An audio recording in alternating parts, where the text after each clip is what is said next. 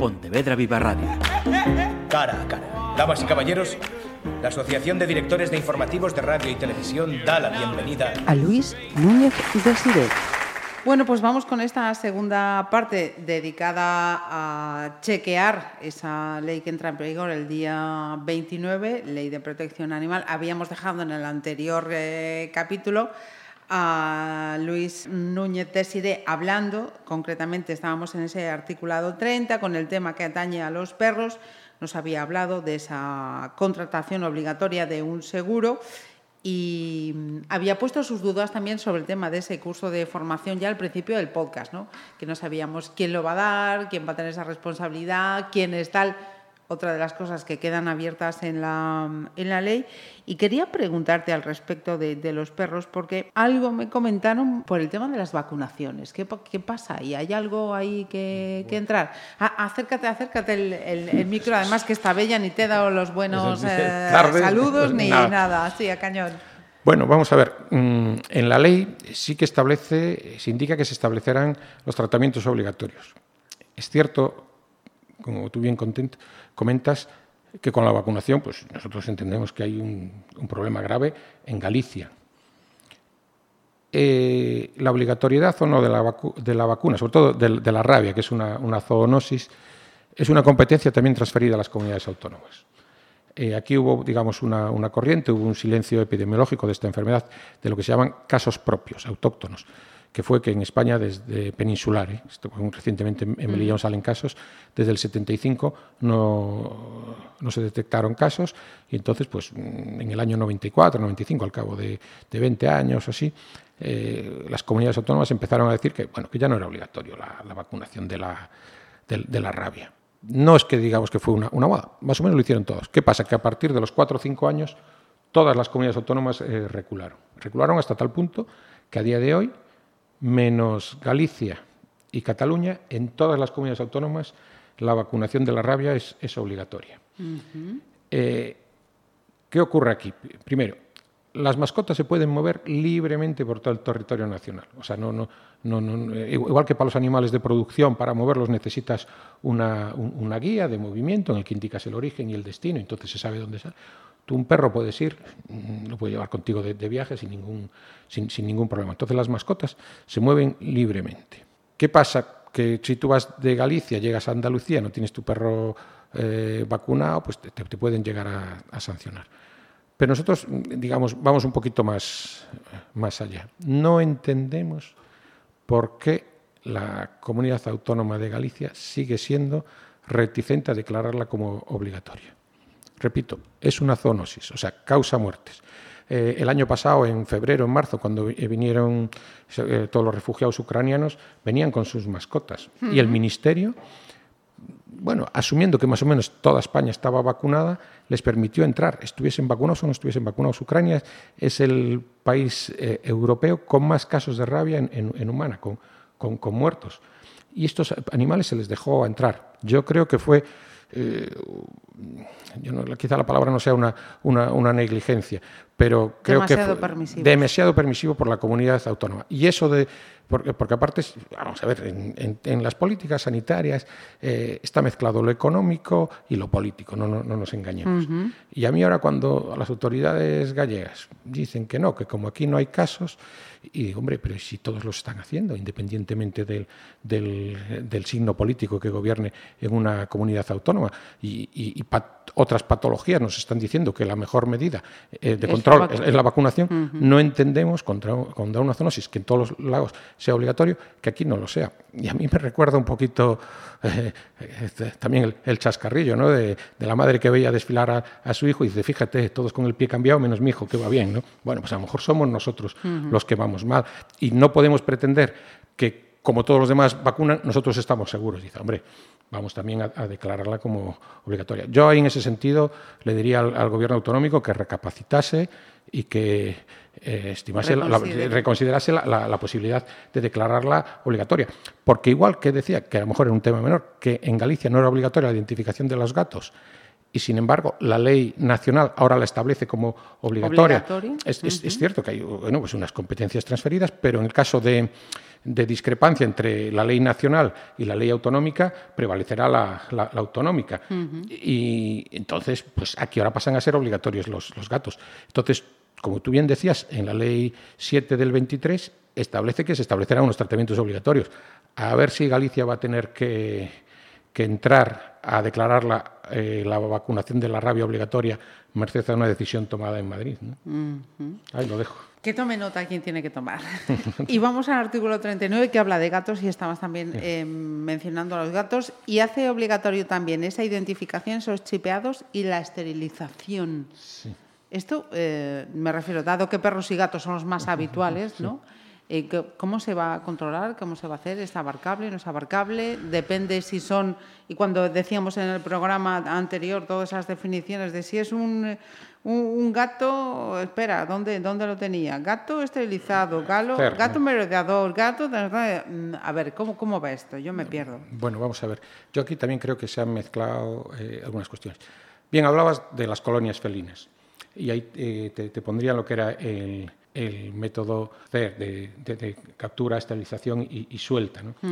Entonces, a los gatos callejeros, bueno, pues hay, unos programas en que eh, los capturan, los esterilizan y los vuelven a soltar en la misma colonia donde, donde estaba para evitar una eh, reproducción incontrolada.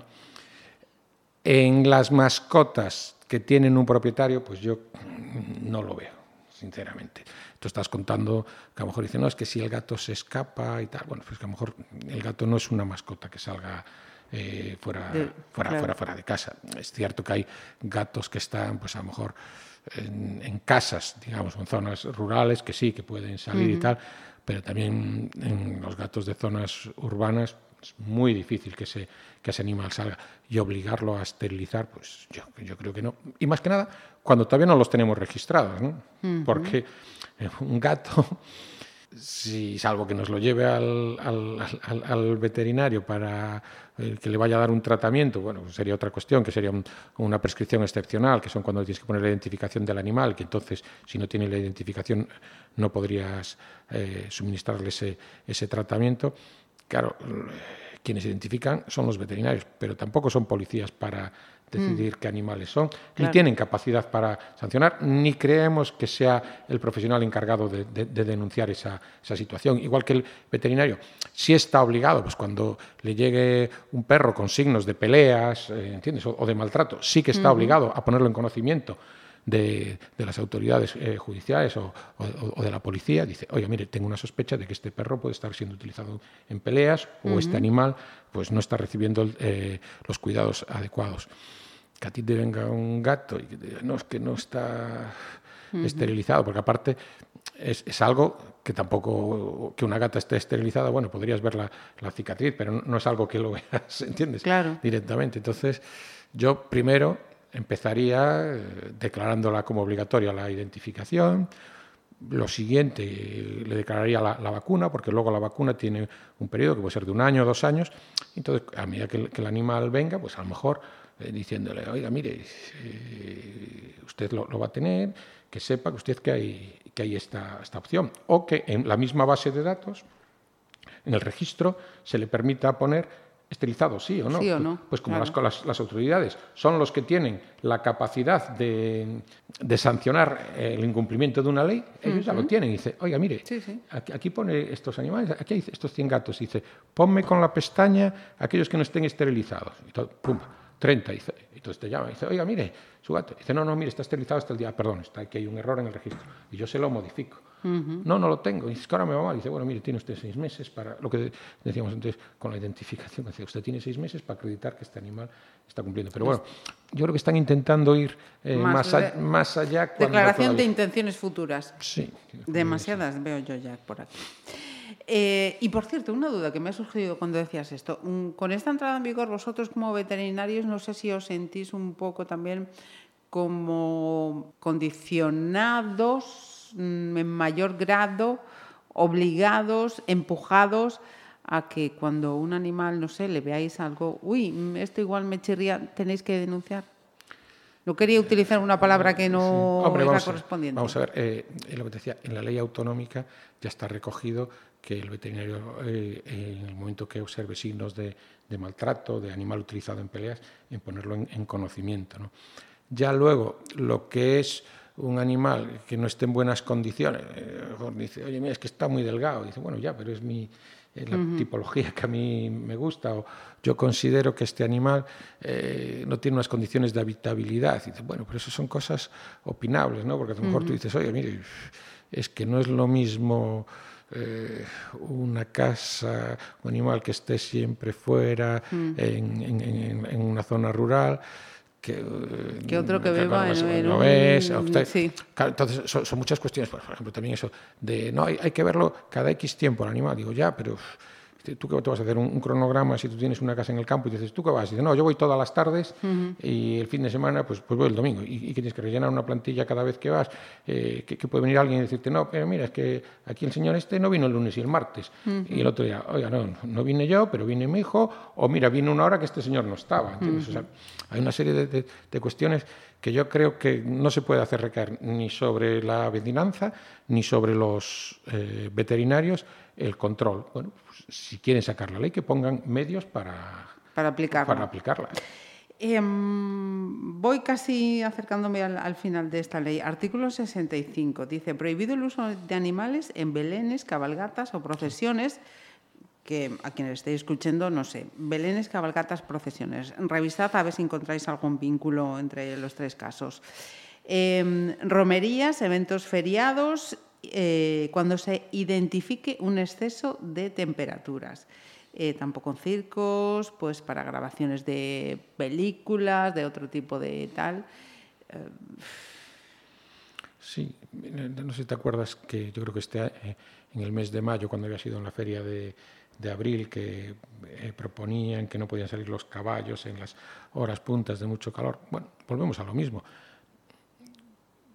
Posiblemente sepa mejor en el Ayuntamiento de Sevilla eh, cuándo no, no puede estar, cuando son las zonas de, de máximo calor, pero no con antelación. Tú, eh, o sea, me refiero no con antelación. Sentido oye, común. eh, exactamente, dice, oye, del 15 de junio al tal, no puede. Dice, hombre, habrá días y días. Lo vimos también con la legislación laboral sobre los obreros, ¿no? Decía, oye, mire, en las zonas de, de calor, pues habrá que aplicar el sentido, el sentido común. Y dice, oye, mire, estamos aquí a 40 grados y este señor está arriba en un andamio, no puede estar, ¿no?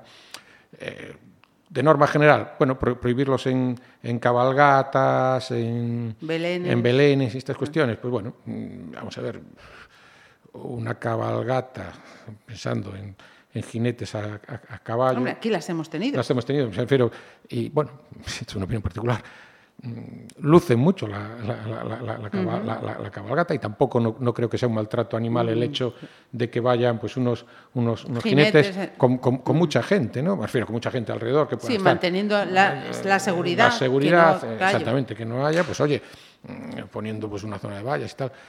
Hombre, en otras cuestiones, pues sí, pues hombre, en los circos, o a lo mejor estoy pensando, claro, volviendo la vista atrás, a la época cuando, cuando éramos chavales, que había veces eh, tío vivos con, con ponis Sí, vivos. ponis, porque- sí, sí. Bueno, pues que eso se regule, pues, pues me- me- evidentemente me, me- parece bien. Eh, porque digo que mm, entrar a nivel, eh, que se me entienda la expresión, desde Madrid a, a regular todo eso, pues no me parece no me parece mm, eh, Lo más prudente. no, sí, lo, lo- lo más lo, más correcto, ¿no? Y habrá que ver, pues, según pues eso, qué tipo de animales, o cuánto dura una cabalgata, o cuando, bueno, oye, mira, que un caballo acompañe en una cabalgata, pues, o en una procesión durante una hora, pues me parece bien. Ahora, no me lo saque usted, como van lo- los nazarenos a las 2 de la mañana y me los tenga hasta las 11 de la mañana por ahí, claro, pues, pues vale, lo, lo entiendo, pero...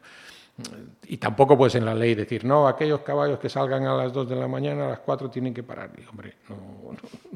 Lo habíamos dicho en el anterior programa, que veíamos que es una ley que da muchas pinceladas que además están simplemente, digamos que, mm, embocetadas, ¿no? Sí, ¿Por qué? Y digo esto por lo siguiente, porque pone, por ejemplo, en el plazo máximo de 24 meses desde la entrada en vigor, el Gobierno aprobará el reglamento que desarrolle el listado positivo de animales silvestres que pueden ser objeto de tenencia como animal de compañía.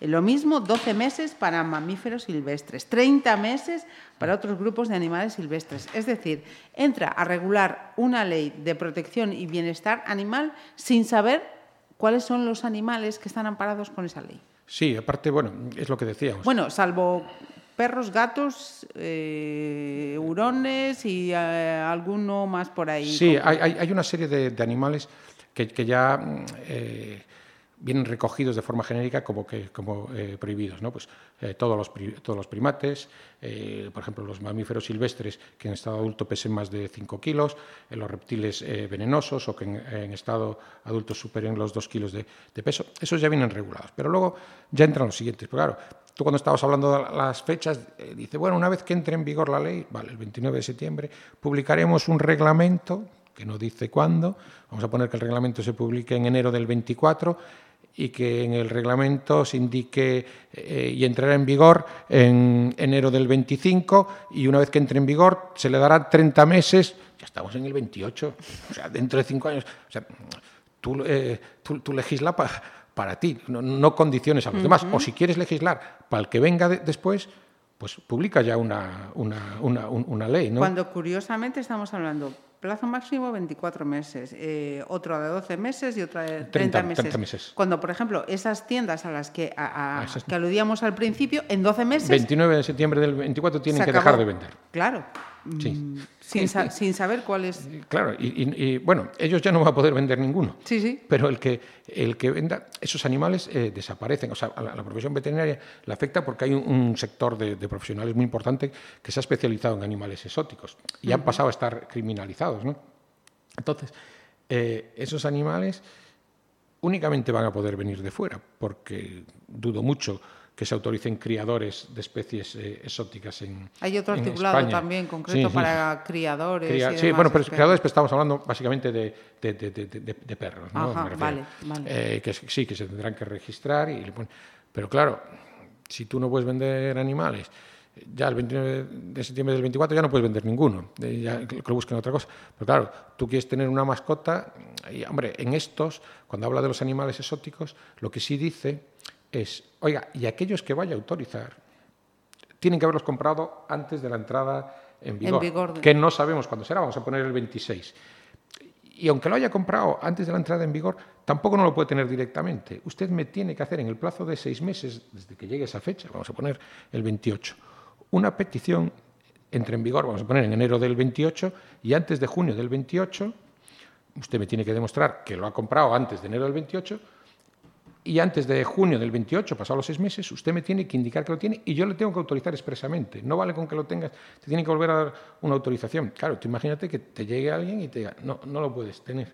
Y dice, ¿por qué? ¿Por el animal en sí? Dice, no, por las condiciones de, de, de su casa, de, de, habitabilidad, no tiene circunstancias especie. Dice, ¿qué quiere que me cambie yo ahora? De casa, de para, casa tener para tener el... tal. Entonces, yo por eso digo que uf, se ha intentado ir a, a, legislar muchas cosas y sin concretar en, sin en, concretar en, en nada. nada ¿no? El, ahí de, decía la diferencia entre, entre un, un, político y un estadista, ¿no? que decía que, que, el político piensa en las siguientes elecciones y el estadista piensa en las siguientes generaciones. Esta ley está hecha por estadistas. Están pensando en las siguientes generaciones y diciendo, bueno, y el que venga entre cinco años, que pande. Yo ya le he dejado. Esto. Sí, pero no en el buen sentido de la palabra. No, no, no, claro. No, no, yo estoy diciendo como diciendo, oye, yo, sí, yo, sí. yo, te saco esto y dice, bueno, yo cuando no esté aquí vas a tener que hacer uh -huh. esto, ¿no? Yo qué sé, es como si tú firmas un convenio colectivo o, o un presidente de un, de un, club de fútbol y dice, no, yo las, tengo un las mandato. Las decisiones las tomaremos dentro de seis años. Yo soy presidente dentro de cuatro años, pero tú dentro de cinco años vas a cobrar 10 millones. Y claro, cuando llega uno nuevo y dice, oye, yo tengo este contrato firmado, y joder, pero dice, firmale un contrato mientras estés tú, ¿entiendes? Con responsabilidades. Con responsabilidades, no, no ahora, ¿no? Por eso, sacarla ahora, cuando quedaban seis meses, yo creo que tampoco nadie pensaba que íbamos a estar en estas en circunstancias eh, mm. políticas que estamos ahora, ¿no?